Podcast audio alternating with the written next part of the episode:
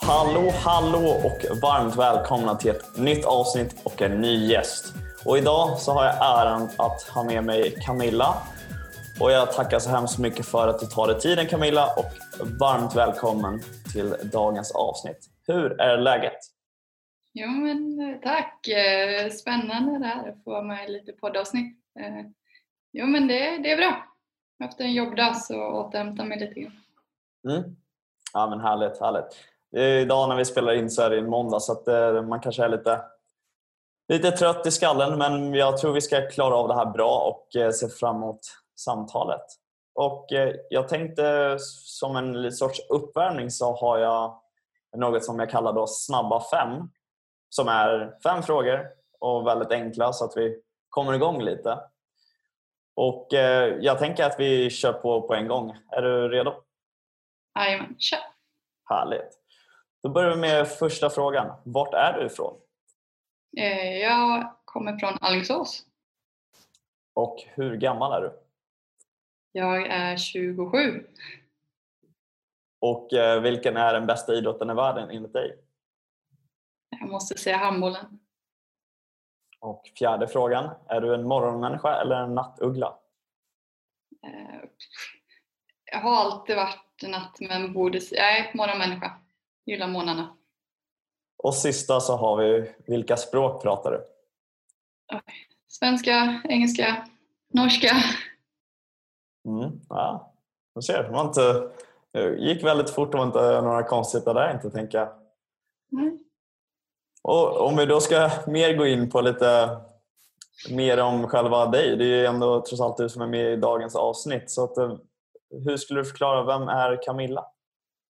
Oj. Eh, vad vill jag säga? Barnasinnet driven, glad, eh, engagerad person som drivs av att vara aktiv och vara i idrottssammanhang vill jag väl säga. Mm. Härligt. Och du, jag tänker på om man ska försöka koppla in det till eh, vad vi ändå pratar om i de här olika avsnitten. Så vilket är ditt första idrottsminne skulle du säga? Mm. Det första är alltid jäkligt svårt att sådär briljera med. Men jag vet eh, några starka minnen som ännu är kvar från eh, barndomen eller tidig, tidig ålder är ju eh, det är ju framförallt hemmamatcherna med A-laget i Allingsås. Ja, i våran lilla Nolhagahall som de då spelade i förr som hade sitt smeknamn Skokartongen. Där vi var för mycket människor i en eh, låg hall med eh, en hög temperatur och luftfuktighet. Eh, det är väl det, den hallen och matcherna som hänger med från barndomen som var jäkligt nice idrottssammanhang. Men du menar att den hallen inte är kvar längre? Eller? Eh, de byggde ny så herrarna spelar i Estrad numera, en mer säger, klassisk arena. Mm. Den var lite mindre, mer eh, kompakt. Eh, så Som Men den finns kvar? Vad sa du? Men den finns kvar? Den finns kvar, den finns kvar men den är renoverad eh, så inte helt samma känsla som det var men mm, den är kvar. Och det, när du just tänker på det så är det just det att det var väldigt vad man ska säga, fullpackat kanske i hallen eller var det, som mer, var det något mer specifikt som som, fick det att, eller som får dig att känna en viss känsla för den hallen och den atmosfären? Eh, delvis är det matchdagarna då man som eh, medlem då i Alingsås HK så hade man ju gratis inträde till eh, A-lagsmatcherna och för att få en plats i den här hallen då, som var bästa sektion på ståsidan, kortsidan där då, då fick man ju vara där sådär en och en halv, två timmar innan för att eh, kunna se någonting. Så det är väl hela den delen men också att den, eh, ja, men det var det gemensamma, allt runt omkring. Man hängde där på helger innan efter matcher, sina egna och sådär. det är mycket gemenskapen som kommer med föreningslivet. Mm. Ja, men härligt. Hur vet du ungefär hur många den, den fick plats, eller hur många man fick plats i hallen? Oj. Nej, det, det, det är faktiskt en uh, grej jag har jävligt svårt med. Det här med uppskattning och sådär, det är inte min starka sida. Men det är ju inte, det är inte jättemånga sittrader. Um, och en kortsida som används, så inte jättemycket plats. Mm. Och då jag tänker på innan vi ska gå vidare mer till vad, vad du har gjort egentligen hittills i livet så tänkte jag bara avsluta första introduktionsdelen med hur du startade dina dagar. Jag startar med så lite stress eh, som möjligt och eh, två koppar kaffe. Låter som en härlig start på dagen. Mm. Du, om vi då ska hoppa in till eh, mer vad, om ditt arbete eller dina, dina, dina olika erfarenheter du har hittills i, i livet. Så vi ska liksom försöka få lite bättre koll på vem du är. Och eh, det som är väldigt eh, kul och spännande som eh, vi pratade vid inför här, det var att du precis har fått ett nytt jobb hos Skånes handbollsförbund. Men man kanske ska spåra tillbaka lite och förstå kanske mer hur du kommer hamna där, för du har inte börjat där ännu. Du ska göra det strax. Men skulle du kunna ta oss tillbaka lite hur du kom i kontakt med arbetssidan av idrotten? Mm. Eh, det får jag säga. Det startade ju när jag flyttade ner till Malmö eh, hösten 2016. Började studera på idrottsvetenskap, en treårig kandidatexamen. Eh, det var väl det som startade och kopplade in mig i idrottsvärlden överlag här i Skåne. Men det var väl mycket det här med att man studerade och engagerade sig vid sidan av. Delvis som ideell ledare för ett handbollslag men också ideellt engagemang i eh, jag var på SM-finalerna i Göteborg och var med två år. Så varit lite landskamper. Eh, Handbolls-EM 2016 som hölls här i Malmö, damernas. Eh, jag var med på sådana ställen och eh, ideellt engagemang. Eh, och det är väl det som har gjort att jag har kommit i, i kontakt med eh, arbetssidan av det och inte bara studietiden. Och om man tar tag i den punkten med, du sa att du flyttade ner till Malmö för studier, var det, är det någonting du hade tänkt på länge att börja att studera inom det här området och hur, jag menar, hur såg den biten ut inför? Nej, där, där får jag nog säga att jag har min, eh, min moster att tacka som skjutsade ner mig eller tyckte att det var en bra idé att börja plugga, att det hade varit kul. Eh, jag har aldrig, aldrig tänkt att jag skulle gå universitet eller liknande. Jag var innan detta klippt och skuren tänkte jag för restaurangvärlden. Så jag var servitris och, och jobbade bakom bar och hade tankar att bli sommelier och liknande, så mer mat och drycksidan. Men eh, det var rätt, eh, jag vet inte, det, det passade inte mig när jag kom upp i, i lite senare. Det var krävande och jag ville väl inte ge upp allt för att kriga mig in i den branschen. Så um, det fick bli lite studier för att uh, på ett smidigt sätt ändra, ändra inriktning på vad man vill göra. Och idrott och aktivitet och rörelse har alltid varit eh, en dröm, eller dröm, men det har alltid varit kul och man mår bra av det och kan man då kombinera och få jobba med det vore ju det magiskt. Så det var mer eh, byta, byta jobbinriktning. Mm. Och mm, som du berättade även där så att du uh, gjorde olika ideella insatser och allt ifrån uh, handbollsklubben i Malmö till då de olika evenemangen. Vad, jag tänker om man ställer frågan hur hittar du de olika möjligheterna eller vägarna till att testa på vingarna i mer arbetssituationer?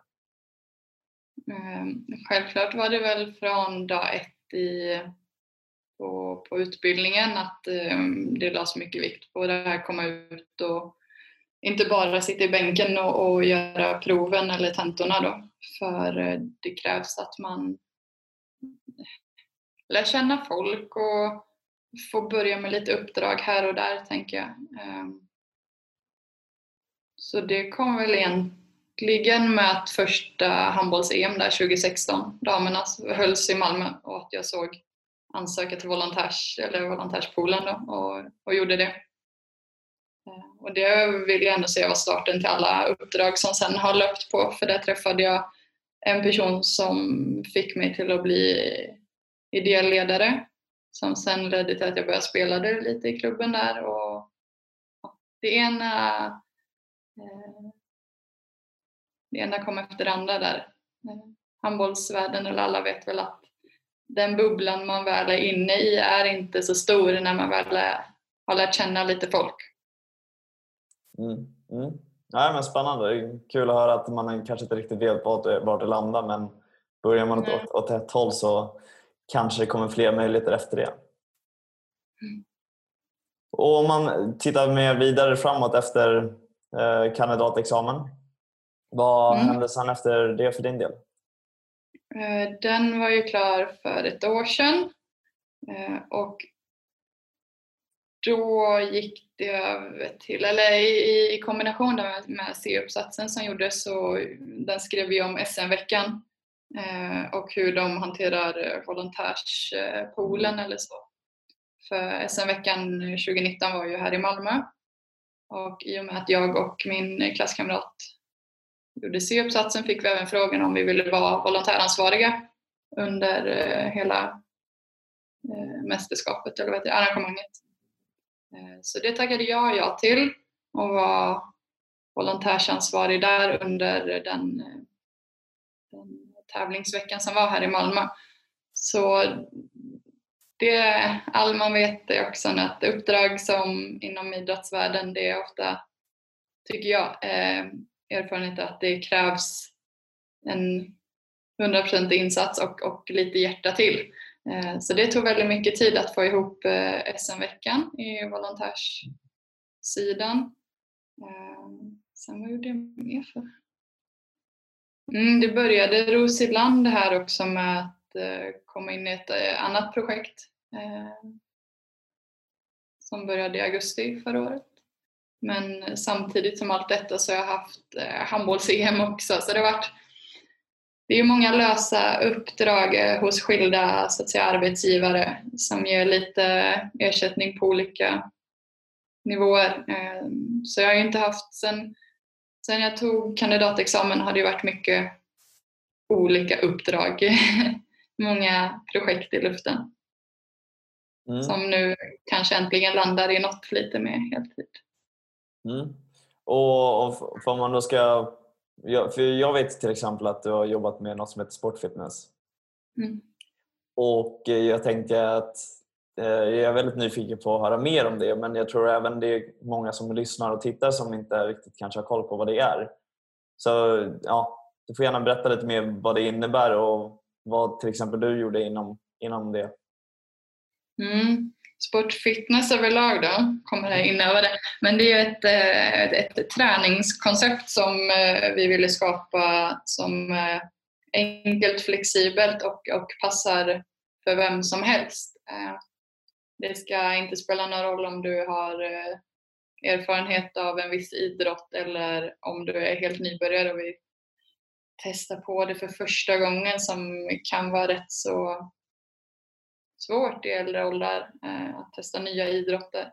Så jag och min kollega Sara kom in i det här projektet i augusti förra året, 2019. Eh, och då fanns det en projektansökan och en beviljad budget. Eh, och där startade vi. Eh, ansökan i sig var eh, Skånes eh, handbollsförbund Eh, Skånes ishockeyförbund och Skånes innebandyförbund i samarbete med eh, och Skåne som hade då gjort en ansökan hur vi ska öppna upp de här specifika tre idrotterna till att börja med eh, för fler utövare, eh, få in fler i föreningslivet utan att man ska ha det här kravet på att kanske träna fyra, fem gånger i veckan och spela matcher varje helg och cuper Och den ungdomen som vill latcha eller likt en korpenverksamhet eller eh, ett gruppträningspass på gymmet så skulle det vara ett eh, vi hade satt ett då exempelpass i hur man kan utöva det och det ska vara så enkelt som möjligt. Eh, så vi ville få in fler i idrottsvärlden, eller föreningslivet helt enkelt. Och, och om man tänker så här, du nämnde tre idrotter till exempel. Vad jag har förstått som sen innan det här kom fram här i Skåne så fanns det, eh, om jag har tolkat det ursprungligen från Danmark. Ja, mycket från eh, handbollsvärlden är ju på inspiration av, av, av Danmark.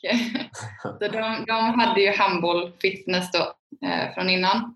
I augusti fick jag och Sara och den här projektgruppen då från förbundena och RFSIS i Skåne, vi åkte över, eh, körde ett handboll fitnesspass. Där var vi tre stycken handbollsspelare och tre eller fyra som aldrig någonsin rört en handboll. Och vi körde då det här upplägget som är Puls Power Play. Där det är uppvärmning, eh, lättsamma övningar till en play eller powerdel som har styrkedelen och avslutade med playdelen som ska då utgöra cirka en timmes eh, träningspass där man får alla komponenter som vi tror man vill ha i ett eh, träningspass. Och varje sånt här koncept är då handbollen är ju då handbollsinspirerat i alla sina delar och innebandyn har sina, eh, sina delar. Mm. Men ja, Danmark har det är jättestora. Eh, de, kör ju, de har ju en Google Maps-karta med alla föreningar som kör handboll fitness och det är bara att kolla när och vart det körs och så kan vem som helst komma och köra det. Okej. Okay. Så det är det vi är ute efter, att ha ett komplement. Vi ska inte ändra på vårt föreningsliv, vi ska bara göra ett litet komplement. Ja. Finns det på fler ställen i Sverige eller är det i Skåne som är först ut? Vet du det? Eh, Skåne är först ut eh, och det var det vår budget var eh, menad till att göra det i Skåne. Sen har vi nu fått in, eller jag är inte kvar i det just nu men jag hoppas, det kommer ju vara en liten del, handbollsdelen i nästa jobb. Eh, men eh, Svenska handbollsförbundet och Svenska innebandyförbundet är jättepå så att tanken är att vi ska komma ut i fler distrikt eh, om det blir nu till hösten eller om det blir till våren. Men ja, det ska sprida sig mer. Mm. Spännande och det jag tänker på också i det när du varit ute, för du har förmodligen varit ute på x antal pass och varit med. Har du sett, har det varit någon viss ålder som har varit på plats eller vad, vad har du fått mm. för känsla av eh, ja, men, alltså upplevelsen i stort men även från deltagarna? Eh, om man bara tar till, nu faktiskt hade jag velat att jag kunde säga att jag varit ute på ännu mer pass än vad vi, vi hade. Eh, men eh, i och med att det var ett projekt som vi startade från, från noll, vi har ju gjort träningshäften och allt i ja, marknadsföring och alltså, produktblad. Vi har ju skapat det under det här året. Så det var ju under våren nu som vi började komma ut. Men sen eh, blev, fick vi inte resa så där mycket och träffa så mycket folk. Så, men, men på de passen jag varit ute på så var det en sån galen glädje bland alla deltagare. Eh, det var från Eh, unga 10-årsåldern upp till eh, 50 plus, 60 plussarna liksom på samma pass. Eh, och man kan träna enskilt på ett pass eller man tränar två och två eller man tränar i mindre grupper så om man känner varandra. Eh, så deltagarna som, jag har inte hört negativt från någon. Det kanske var någon enstaka som ville ha det tuffare, alltså så. Men jag håller i introduktionspass och de är rätt anpassade för alla. Sen har man en grupp som vill ha högre tempo eller intensitet så har man det. Men deltagarna tyckte det var jättekul. Eh, upplägget funkar inne, ute, det är lite material så det är inte mycket som krävs mer än att någon låser upp en, en hall eller kommer med några mål utomhus. Men framförallt att eh, alla har kunnat träna på sin nivå. Ingen har brytt sig om någon som har varit där i om man träffar mål eller liknande. Utan det har bara varit alltså jäkla glädje på de passen och framförallt ett som jag kommer ihåg när jag var i Sölvesborg av alla ställen så var det barnbarn, mamma och mormor på samma pass. Eh, liksom det, det funkar. Eh, alla, alla är svettiga och glada när passet är klart. Kul! Kul att, liksom, ja men, att kunna verkligen hitta en, om man ska säga, en, en form som funkar för ett ja men, aktivt liv men verkligen för gemene man och kvinna, barn, ung, gammal, mm. liten. Alltså alla former. Ja, men lite där också. Vill du testa innebandy så gå till ett floorball fitnesspass. Liksom. Det ska, eller man kan alltid höra med föreningen innan men tanken är att det ska vara anpassat för vem som helst. Ja, kul. kul. Men några, några klubbar kör ju det redan så att det, det är kul. Att det, alla har sina koncept. Vi har en, en handbollsförening som kör handboll, fitness, familjepass och någon som kör enbart för ledarna i, i klubben för att få en en extra gemenskapsträning liksom och, och liknande. Mm. Ja, men härligt, kul att höra. Jag tror vi kommer se till att det finns eh, mer information om det här i beskrivning av avsnittet så att man kan kika mer där. Och det jag tänkte på också då, dels i den här rollen så kan man väl säga att det är en sorts projektledarroll. Eh, eh, hur skulle du kunna beskriva kanske svårt, men hur skulle du kunna beskriva hur arbetet ser ut i, i den rollen? Om man börjar där. Mm. Men det är väl alltid varierande tänker jag för projektledare är ju som vissa andra yrken. Det, det är ju så brett eh, och det handlar ju om vart man, vart man är. Men eh, när jag var inom sportfitness så vill jag ju säga att det var väldigt mycket eh, skapande varje dag på något för vi, vi startade ju enbart med en projektansökan och en budget och en tanke om vart vi ville landa. Men vi har ju egentligen inget slutdatum på det eller deadline eller något färdigt utan vi, det var ju mycket skapa, mycket brainstorming och eh, fundera ut eh, hur kan vi tolka det här då danska materialet som vi hade till den svenska kontexten och, och se hur det funkar. Så projektledarrollen i, i det projektet var nog väldigt eh, utmanande och kul på sättet att det var så inga ramar, inga gränser mer än en budget och en ansökan om vad vi tror vi vill ha. Så det var mycket testa och se om det funkar. och då det får man ju, när du säger att det finns inga ramar och, och det är samtidigt då förmodligen utmanande just för att det inte finns några ramar eller riktlinjer men hur, hur vet man vad som är rätt eller hur vågar man ta de olika besluten i en sån roll?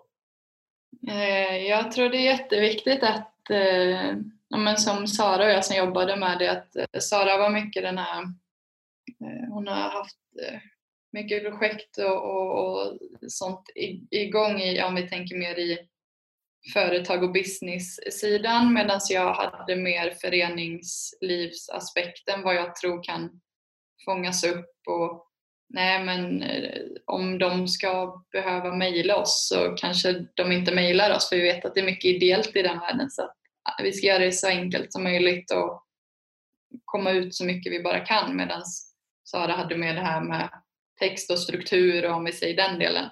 Eh, så jag tror vi var en väldigt bra matchning i samarbete med då vår alltså med styrgruppen med kontaktperson till varje idrottsförbund och RFC Skåne eh, så i och med att vi hade väldigt drivna kontaktpersoner och att jag hade Sara att bolla med så tror jag att arbetsgruppen i, i sådana projekt där man verkligen ska skapa något nytt är väldigt viktigt att man har bollplank. Mm. Och, och det jag tänker på också, du har ju tagit upp det själv med att du har varit volontäransvarig. Mm. Vad innebär den rollen om du skulle kunna förklara lite vad du har varit med om där. Jag kan, vissa kanske har en uppfattning men det jag verkligen tycker är intressant när man pratar och frågar, frågar personer är att all, det är inte alltid så att just titeln eller ordet man läser är det som vad det innebär. Men skulle du kunna beskriva Nej. lite mer?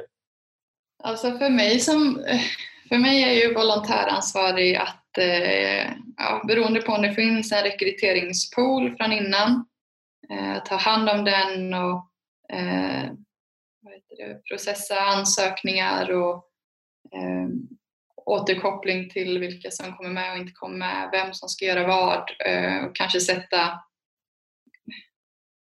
jag vet egentligen inte om det är volontäransvarig, men den delen är ju det viktiga sen under genomförandet, att se till att alla är där, eh, alla är på sin plats, eh, de får matdryck och blir omhändertagna och trivs och får det lilla extra med att vara med på ett idrottsevenemang. Ehm, men sen har det absolut eh, varit arbetsuppgifter som, som jag har gjort som kanske inte går inom ramen på volontäransvarig. Men det är ju lite så där, eller kan vara inom eh, evenemang överlag, att man man hjälps åt där det behövs och det kanske inte förrän man är i, i, i hetluften som man, som man märker vad som behövs göras. Mm, mm. Nej, det, det låter väl rimligt och det är väl det som är kanske vad ska man säga, det dolda när det kommer till eh, mycket inom ja, men idrott evenemangsdelen som du säger att det finns saker som kanske aldrig riktigt nämns men sen så dyker det upp. Mm. Och kanske inte tydligt för någon ja, För det hade det varit en, en eh, arbetsbeskrivning man fått eller med specifika arbetsuppgifter så hade den varit det hade nog inte gått att få ner alltid. Men eh, hade man haft en volontäransvarig eh, arbetsman så tror jag att eh, det hade varit väldigt lite av det jag har gjort på mina, eller på speciellt handbolls-EM var jag och min kollega en väldigt bärande roll. Malmö-genomförandet. Mm. Ja, men, ja, intressant. intressant. Jag, jag tror många här får en bättre bild av vad det kan vara och också att det inte alltid är det som är sagt att det kommer bli. Nej, men jag läste ju mycket. Vi gjorde ju den här som sagt C-uppsatsen där om volontär, volontärskap. Eh, gjorde vi då för ett år sedan och när man läser mycket om det så är det klassiskt att eh, just volontärsansvarig roll sätts ju på en som kanske redan är heltidsanställd som får det här vid sidan av sitt vanliga jobb eh, och ska lösa det och det är oftast väldigt mycket bredare än, än, vad, man, än vad det pratas om. Eh, så nej, det har varit lärorikt att vara volontäransvarig på två stora mästerskap. Mm.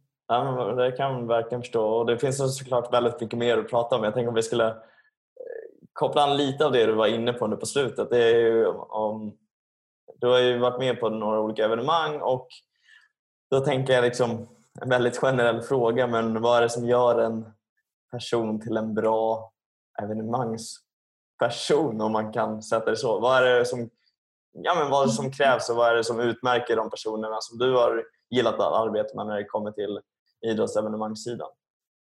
Mm. Jag tror att det jag minns mest eller så, det är ju att en person som är med vet att vad det krävs eh, och vad det krävs kanske för uppoffringar när, när genomförandet väl är. Att eh, det blir den här klassiska evenemangsbubblan. Eh, och att man också är väldigt flexibel och lösningsorienterad och serviceinriktad. Alltså det är mycket den delen. Ehm, men framför allt tror jag att det är att man ska vara medveten om vad som krävs i, i, vad ska man säga, i prestation av sig själv. Att det är krävande att ha till exempel EM, ett mästerskap med sju matchdagar och vad det nu var, vi var uppe i 15 15 dagar med vilodag då mellan varje matchdag att eh, mm, det krävs eh, mycket engagemang av en själv och av alla runt omkring en. Mm. Så absolut att man vet vad som gäller men också att man passar på att njuta av det där och då. För det är alltid en, det är inte alla som får vara med och se det från den sidan bakom kulisserna. Eh, och jag tror det är många delar man själv, eller jag själv, faktiskt missar där och då också att det är, att det är något man ska njuta av mer. Mm. skulle... jag, jag har inte sagt att jag inte njuter när jag är där, det gör jag. Men där och då är jag ju alltid väldigt eh, på högvarv hela tiden när det är genomförande. Men, ja. Och jag, tänker det du, förlåt, ehm, jag tänker på det du säger där med att man kanske ska vara redo på att det är mer arbete. Är det någonting som du, skulle, som du skattar, uppfattar att det inte sägs tillräckligt när man ska få in volontärer. Att de ska vara redo för att det kan komma lite extra här och där. Ja, men jag tror mycket också att man, eh, man klart man vet om att det är mycket att göra eh, men det är ju oftast inte förrän startskottet, alltså första matchdagen då man faktiskt vet vad som krävs. Eh, och då är det ju en, alltså jag har ju varit volontäransvarig för att det finns ju inget som värmer själen så mycket som grymma volontärer som är med alltså, och ställer upp i ur och skur och står i en idrottshall när landslagen inte ens dyker upp på sin träning för att EHF säger att de ska ha träningstid då.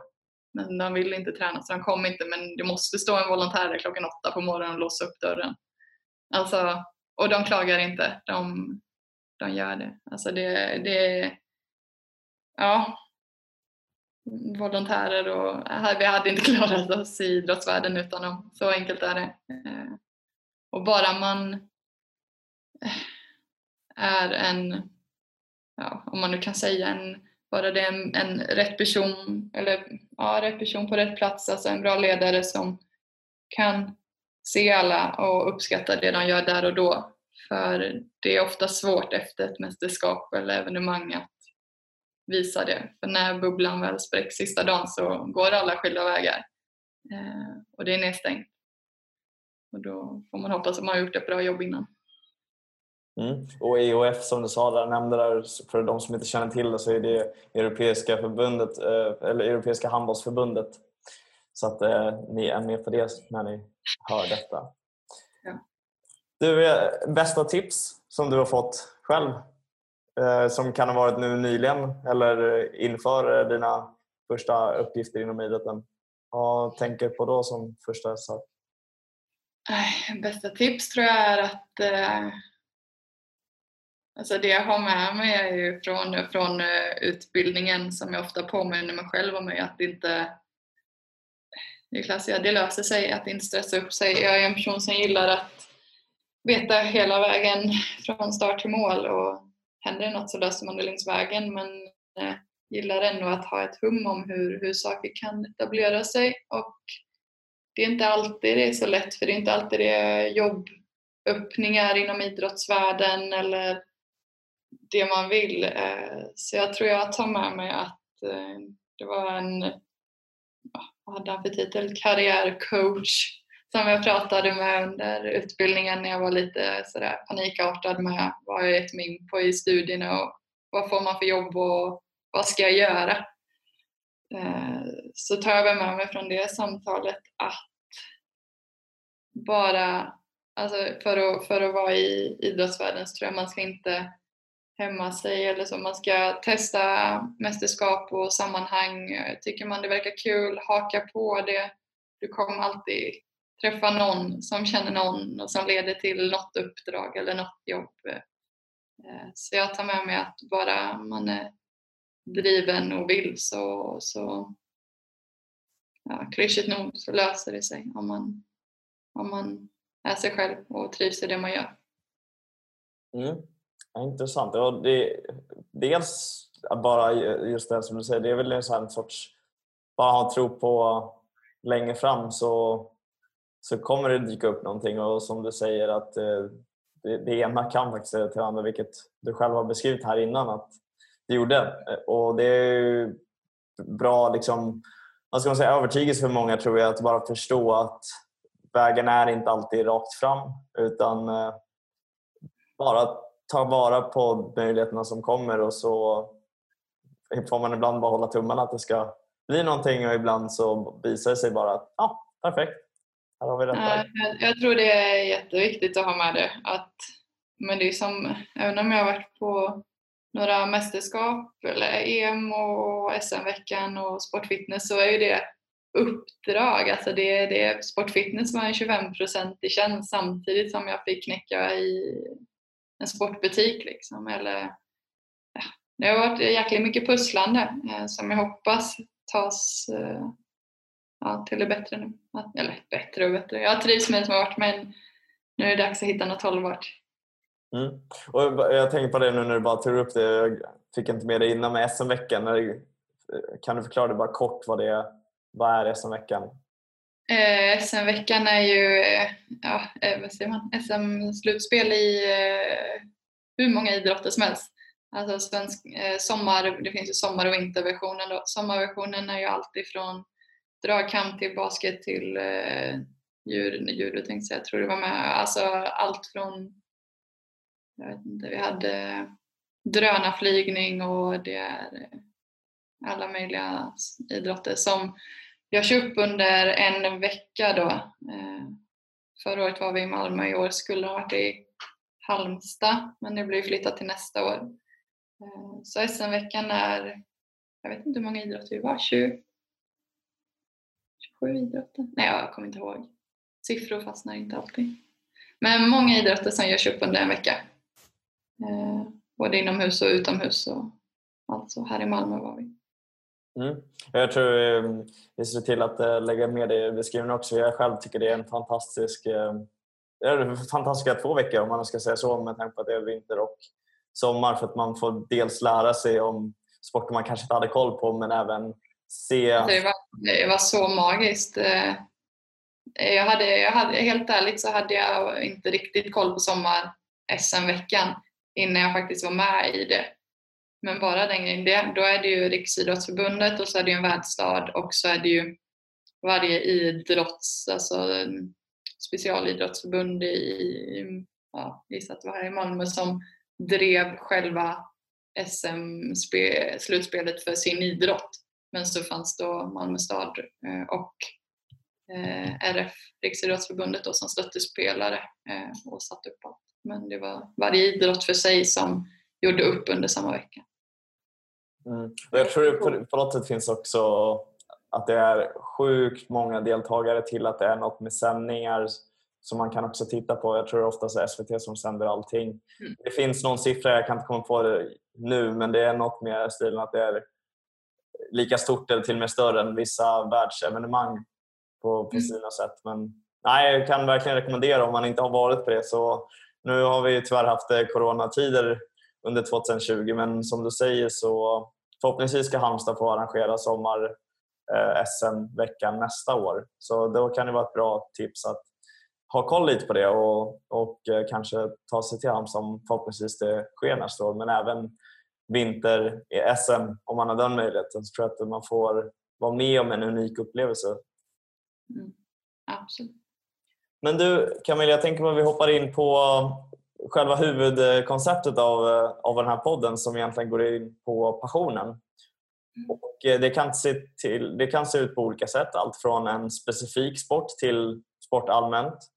Och jag tänker mer liksom ställa den här jobbiga frågan och mer försöka förstå din passion och din koppling till idrotten. Så jag ställer den konstiga och tuffa frågan egentligen om hur, hur du har en passion för, för sport eller om det är då till och med handbollen sig självt. Och hur du skulle kunna försöka beskriva hur, hur din känsla och koppling till den är. Eh, ja, jag tror... Alltså jag älskar ju sport överlag där det är alltifrån hur utövare i lagidrott är ju främst det jag har fastnat för.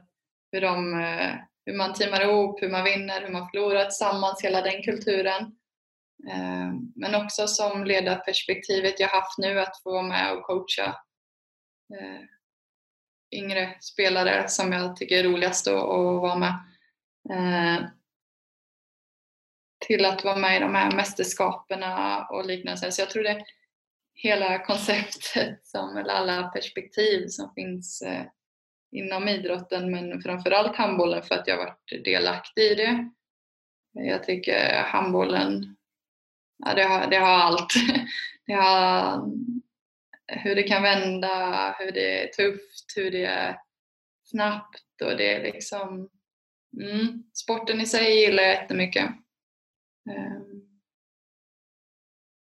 Och hur jag hittade passionen var väl med att, som sagt, jag är från Alingsås. Det är en handbollsstad. Eh, Familjen eller brorsan och, och kusin har spelat som äldre än mig så det blev att jag gick spåren där. Och jag tror mycket har varit uppväxten som har gett mig handbollen. Mm. Och om man, eh, jag tror du var inne och touchade på det lite, men om du ska försöka hitta den, den känslan, låt oss säga liksom kommande veckor, hur, hur gör du för att få, få tag på den? Här och, här och nu är det ju pausat rätt mycket och jag har, jag har faktiskt lagt eh, ledaruppdragen när de ideella på, på vila lite grann. Så just nu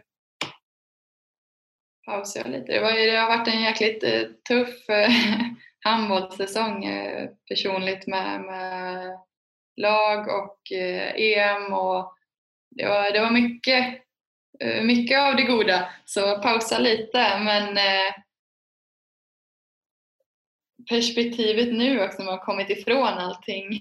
Jag har inte varit så mycket ideellt ledare eller när det inte är eh, när vi missar slutspelet och liknande eller det inte är Åhus beachhandboll eller liknande. Så, så bara, bara den tanken av att Åhus inte är eller Partille Cup inte är gör ju att man inser att eh, nej, handboll är, handboll är magiskt.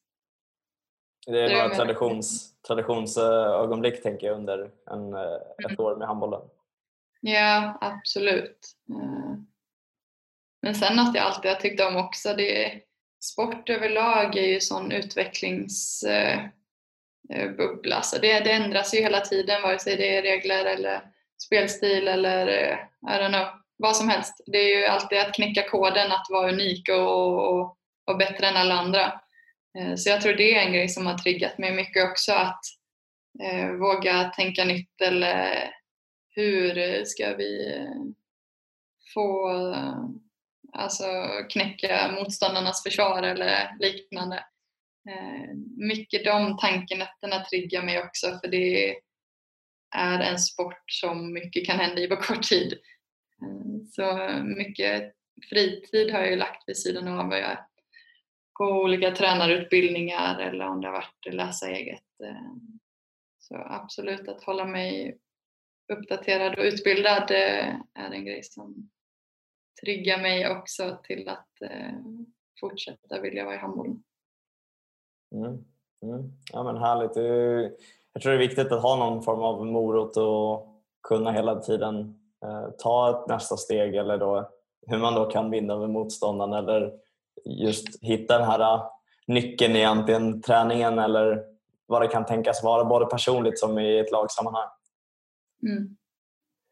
Men du, jag tänkte på det, jag har, har bett dig, som jag gjort med mina tidigare äh, gäster till, till intervjuerna, att ta med sig något minnesvärt idrottsobjekt. Och jag vet inte om du har lyckats hitta någonting och i så fall om du har det får du gärna berätta mer vad du har tagit med dig. Ja. Jag tänkte att jag skulle fått ner hemifrån där från så, så har jag ju min eh, tröja 9 maj, SM-finalen uppe i Globen som eh, är en bra dag som jag minns tillbaka till när Alingsås tog sitt första SM-guld. Ehm, men eh, saken jag har med idag är faktiskt en sån här, en liten grön Goldshare-boll. Så, just nu, så just nu så håller du upp då för de som inte ser? Mm. Så håller, så håller jag upp en eh, väldigt eh, grön mini-handboll får väl sägas. Eh, som kallas Goldcha-boll. Den är eh, väldigt mjuk, alla kan greppa den. Den eh, går inte att studsa förvånansvärt. Eh, vilket främjar att kids och, och så ska liksom passa till varandra för att dribbla igenom spelplanen.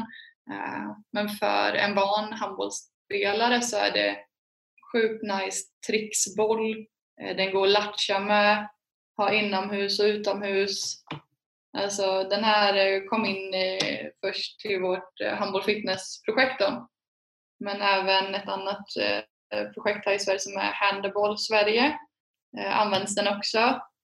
Och den tas in framförallt, alltså den är grym tricksboll utomhus sommartid men också i handbollssyfte.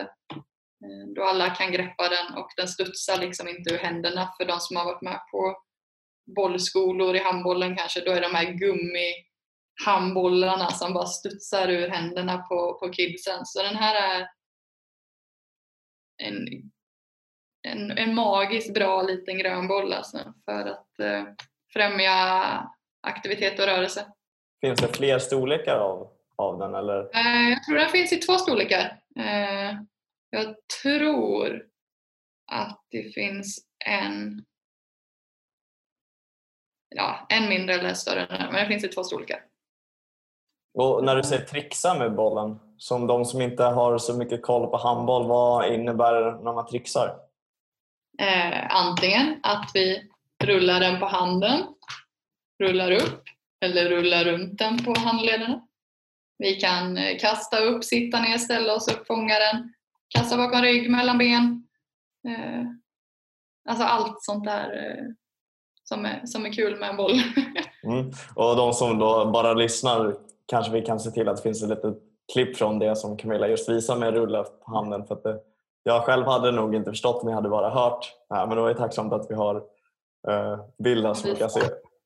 Ja, nej men den är en grym... Eh, vi har en eh,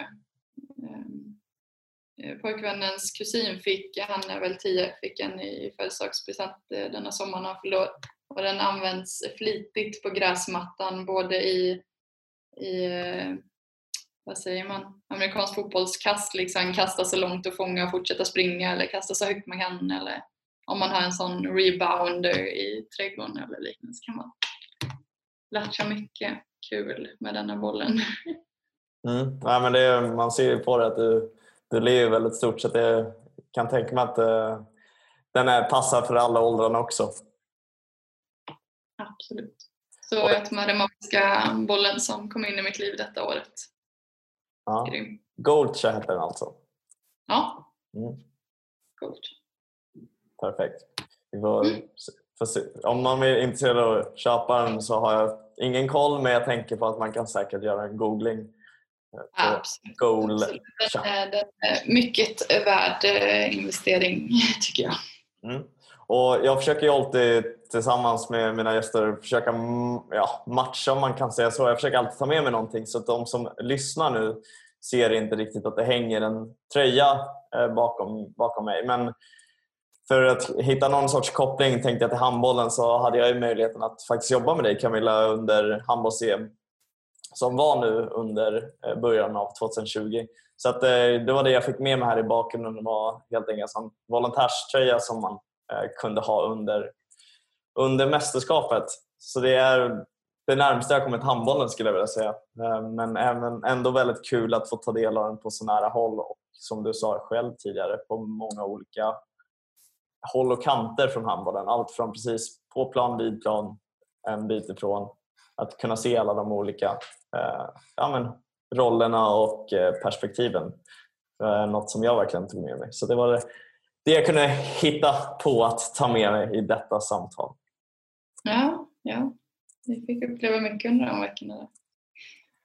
Det fick vi verkligen. Det var verkligen högt och lågt i eh, vad som hände under det mästerskapet kan man säga. Men du, jag tänkte om man skulle titta vidare lite på eh, just, du har varit inne på utmaningar innan och något som jag alltid försöker få fram också i de här intervjuerna är just att visa att det finns så mycket fantastiskt men också finns det utmaningar. Det går inte alltid som vi varit inne på, en, en, en rak sträcka. Så jag försöker alltid ställa frågan om man har någon viss utmaning, någon rädsla i vägen till, eh, liksom, till en arbetsroll eller under en arbetsroll som, som du kan tänka dig dela med dig av och hur du har i så fall eh, hanterat eh, en utmaning eller en rädsla? Mm. Utmaning, rädsla. Alltså i, i praktiskt görande eh, så, har det väl all, så är det väl alltid lite sådär skräckförtjusning inför startskottet, låt säga EM. Alltså innan. Man har ju kunnat jobba hur mycket som helst innan men man vet ju inte om det funkar förrän det att man kör igång. Eh, så det har alltid varit ja, men en blandad, eh, inte rädsla men eh, lite nervigt om det kommer bära eller brista kanske. Men jag är väl inte den som är rädd av mig. Jag gillar inte att förlora, misslyckas. Jag har inga problem att göra det. Men jag gillar det inte så att jag eh, försöker undvika det så mycket det går. Um, men det är väl precis innan det gäller som alltid kan vara lite spänt. Ehm, för att se om det funkar. Eh, om det jobbet man faktiskt har lagt ner är, är bra nog. Um, det är väl det som har varit eh, rädslan i sig kanske, men utmaningen kan väl vara att det är en så blandad värld också av ideellt engagemang till den som är heltidsanställd inom sportvärlden att kan ibland vara svårt att känna av vad man har för Eh, kanske, vad ska man säga, eh, inte rättighet såklart, det har man ju fått, men hur man ska förhålla sig med det här ideella till den heltidsanställde eh, då man själv jobbar kanske i uppdrag eller ideellt. Det är väl utmaningen som jag har upplevt, eh, de gränserna däremellan. Luddigt. Nej, det är, alltså det är lätt för mig att säga att jag förstår vad du menar men jag tänker på de som antingen är på den ena sidan eller på den andra sidan av det du precis tar upp som en utmaning. Hur har tankarna gått för dig? Eller, liksom, eller ja, hur har du hanterat det på ditt sätt? Just den här balansen mm. mellan Ja, alltså jag har varit med i mycket ideellt och mycket uppdrag som har varit tidsbegränsade vad ska man säga, projektanställningar eller bara på uppdragsbasis. Eh, och utmaningen har varit för mig att inte säga nej eller stoppa de här uppdragen men att hitta vägen till ett eh, heltidsjobb eller att få ha alla de här uppdragen och projekten under samma tak det har väl varit min utmaning. Att jag har ju aldrig haft utmaning med att kunna fördriva min tid. Eh, för det finns alltid uppdrag och ideellt engagemang att, att, eh, att eh, hålla på med. Men att utmaningen att faktiskt hitta en heltidsanställning eh, rent sagt har varit min utmaning. Eh, att få samla allt detta. Och om man tänker på just där innan med att när du arbetar med volontärer, om du själv är eh, anställd. Hur har du, hur har du hittat där en, gått tillväga? När du, när du kanske så sitter på ett, på ett arvoderat arbete medan den du pratar med eller jobbar med gör det bara på sin fria tid. Hur, mm. hur har där tror jag mycket har, eh, det har legat mycket redan innan personen står där att i ansökningsformuläret att det är tydligt att det görs på ideell basis och det som det är eh, inga pengar eller det är man får kläder, mat och, och förhoppningsvis reseersättning och liknande att redan innan är de här eh, eh vad säger vi, eh, uppgifterna tydligt beskrivna så att man vet vad som gäller när man kommer där och att det är en istället för att volontären är där för att göra, ett, göra det för pengarna så ska det vara för upplevelsen att, att man är med och skapar och genomför mästerskapet i, i den staden, världsstaden det, det hålls i. Eh, så det ligger nog redan innan eh, hela genomförandet eller när vi väl kör, att man vet vad som, att det är det som gäller. Ehm, för där och då är det ju ingen skillnad på vem som är där. Alla, alla ska göra sitt jobb eh, på samma, samma basis där och då. Vare sig det är arvoderat eller inte. Mm. Nej men absolut, absolut. Och nu tänkte jag så att vi kliver in i den sista delen. Eh, vi börjar närma oss slutet och jag kallar den här sista delen för övertid. Så jag tänker att vi eh, kör på direkt med ett eh, litet segment som jag kallar Om inte. Vilket innebär att jag säger om inte du fick mhm, vad hade du valt då? Spännande. Exakt. Ja men gött. Så jag tänkte så här om eh, vi börjar med den kanske självklaraste så handlar det helt enkelt om du inte fick ar arbeta med handboll. Vad hade du valt då? Eh, fysisk aktivitet eh, för ungdomar eller äldre. De som inte är igång eller hade lika enkelt att aktivera sig hade jag velat hjälpa. Mm. Och för att fortsätta på den kluriga biten så om du inte fick välja idrott, vad hade du valt då?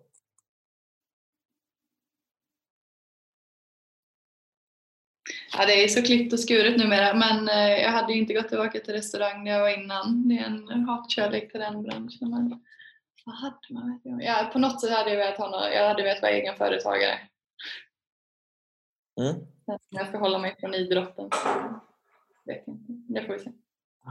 Ja, nej, det kan vara lättare att svara att svara på de här. Sen tänkte jag nästa är om du, eh, om du inte växte upp i Sverige, vilket land hade du valt då?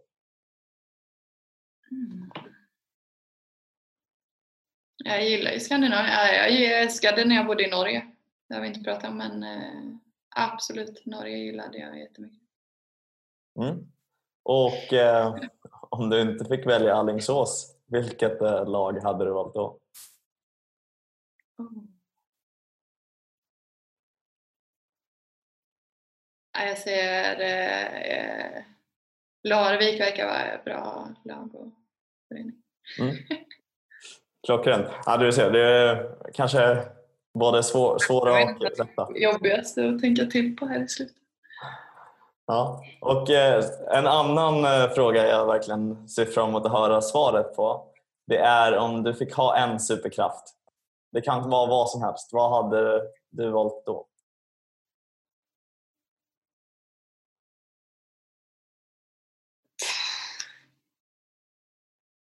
En superkraft, Jakob. Eh, jag hade... Jag hade väl kunnat teleportera mig kanske. Mm. Det var nice. Mm. Kan du berätta lite mer varför just teleportering? Det var varit jätteskönt. På kort tid då, det är ju ett krav. Att det går från ena sekunden till den andra och ta sig till en annan stad eller land eller sådär. Ja. Det var skönt. Det kan jag hålla med om. Det låter inte alls så dumt. Speciellt inte i dessa tider när man ska försöka undvika det mesta resandet under coronatider. Mm. Men du, om vi tittar lite mer framåt. Eh, hur, hur skulle du säga att du utvecklar dig själv? Och det kan verkligen vara, det måste inte vara idrottskopplat utan det kan ju vara allt ifrån ett språk eller läsa någon viss bok och så liknande. Hur skulle du säga att du försöker utveckla dig själv? Eh, att eh, ta vara på lugna stunder. Nej men att kunna varva ner och eh, stanna upp och eh, inte vara med överallt. Det är absolut eh, det som får mig att eh, ja, utvecklas mer skulle jag säga, om det är den benämning vi ska ha. Men att kunna stanna upp och bara vara i, i nuet. Mm. Väldigt enkelt känns det som. Men samtidigt kan det vara svårt om man har mycket man vill hitta på. Ja, men eh, det är alltid så. Det är ju mycket brus. Alltså det är ju allt från eh, teknologi och man ska vara med överallt. Eller ska och ska. Men att kunna säga nej och pausa och bara, bara vara tror jag är, är jätteviktigt för att kunna ta reda på vad man faktiskt vill göra och trivs jag med det jag gör eller inte. Mm. Är man bara mitt uppe i allt så missar man att reflektera över det. Klokt sagt. Mm. Och du, om det finns något antingen inom idrotten eller handbollen speciellt som eh, du skulle vilja se förändras framöver?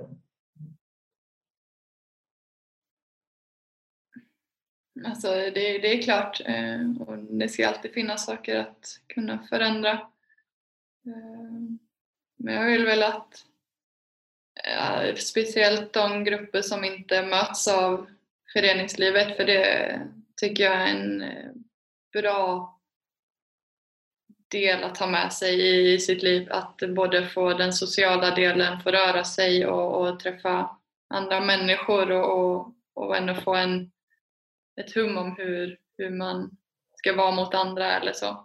Ehm, då tycker jag att de grupper som eh, inte nås av föreningslivet är absolut en utvecklingsfas att få in de som inte bara är idrotten nu. Och då kanske handboll fitness är en av lösningarna framöver helt enkelt? Det kan vara. Eh, det kan vara. Den vänder ju sig också till de som känner till idrotten till en viss del. Den går absolut att använda till annat men ja, det hade varit nice att få in fler i, som aldrig har varit i föreningslivet. Mm. Och du, eh, som en annan avslutning här då, då. Varför som, de som lyssnar eller ser på det här, varför skulle de jobba med idrottslivet eller mer specifikt handbollen? Och utifrån, ja, men utifrån ditt perspektiv helt enkelt. Mm. Ja, jag vill ju själv vara i den här eh, världen för att det är som jag har runt om och jag får väldigt drivna, aktiva människor som, som vill mycket för barn och ungdom upp till äldre att aktivera sig eh, och att det, ah, vad ska man säga, det finns så mycket både eldsjälar men drivna människor eh, inom idrottsvärlden som är magiska att ta med sig tycker jag. Så mycket för, för det som finns runt om men också för att det finns så mycket att göra. Alltså det finns, som vi sa innan, det finns mycket att, att utveckla. Vi nämnde ju bara en sak där. Men idrottsvärlden behöver många drivna och, och engagerade människor som för det framåt. För jag tror att en aktiv vardag och livsstil är liksom grund till mycket välmående i folkhälsa i, i Sverige. Mm. Och slutligen, har du någon bok eller podcast som du skulle rekommendera? Oj, den var bred. Eh, senaste ljudboken jag lyssnade på var faktiskt eh, Isabel Boltensson, Lycka till med resten av ditt liv. Den var den var skön i sommartider att stanna upp och lyssna på och inse att eh, det är en själv som faktiskt bestämmer vad man ska göra här i livet och inte folk runt omkring. Så den är absolut eh, ett tips till eh, inte bara de som känner igen sig i situationen men i föräldraroller eller syskon eller om man har anhöriga som har varit i stressiga situationer i livet så är det rätt bra att lyssna och veta hur man kan hantera sådant. Mm. Så lycka till med resten av livet tror jag. Vi ser till att eh, ta reda på det och så ser vi till att länka så att man kan eh, ta del av det. Eh, jag har hört mycket gott om den också. Jag har dock inte hört den eller läst den ännu så det är kul att höra att någon har gjort det och kan tipsa om den. Och eh, Det var egentligen det. Så nu, det är ju mer om, eh, om du har eh, frågor kanske mer till lyssnarna eller de som tittar. Eller till och med till någon kommande gäst. Om du har någon uppmaning eller någon fråga. Nej. Nej. Sjukt kul att vara med. Eh, sen är det någon som fastnar för något specifikt eller har något kul framöver så är det ju bara att höra av sig om man är här nere i Skåne annat. Mm. Vi kan driva idrott-Sverige framåt. ja men exakt, exakt. Så att det helt enkelt då, om man vill kontakta dig, hur ska man gå tillväga då? Ja, det finns väl länkat här, gissar jag att du fixar, men eh, ja, LinkedIn, vad som helst finns. Camilla Rollén. Mm. Vi ser till att ta med det i beskrivningen så att eh, de som vill eh, kan connecta med Camilla. Och eh, eh, se till att verkligen ta, reda, ta, ta vara på tiden. Du kommer med, med väldigt mycket kloka tankar och idéer men även visar på drivet som, som kanske inte alltid är så självklart i de olika sammanhang som du har varit med i som jag tror många kan ta med sig oavsett om man har den ideella eller den mer betalda roller inom idrotten eller faktiskt till och med utanför idrotten så, eh, så har det varit sjukt intressant att höra vad du har varit med om redan och det, det, finns ju så mycket mer som kommer, kommer, kommer hända såklart framöver och det är man ju väldigt spänd på att ta del av. Så det ser jag fram emot eh, Camilla och se vad, hur det kommer gå med den nya rollen. Vilket troligtvis när, här, när de som lyssnar och ser på det här så har du förmodligen redan börjat jobba med det. Så att, eh, ja, du ser fram emot att höra mer om den nya rollen. Absolut. Så att jag vill verkligen rikta ett stort tack för att du var med och att du verkligen delar med dig av din tid, eh, dina erfarenheter och eh, speciellt din passion till, till mig men speciellt till alla lyssnare och tittare. Så ja, stort tack! Absolut. Det är något mer sista orden? Något som du vill få fram, ta med? Ha koll på Jakob Wikenståhl och Sportidealisten är en jäkligt bra sida det också. Ja, tack, tack. Men du, då tycker jag att vi säger så Camilla så, så stänger vi ner det här avsnittet och för de som tittar så stänger vi ner på ett klassiskt sätt. Så vi tackar så mycket och säger hej då och eh, stort lycka till framöver. Hej då!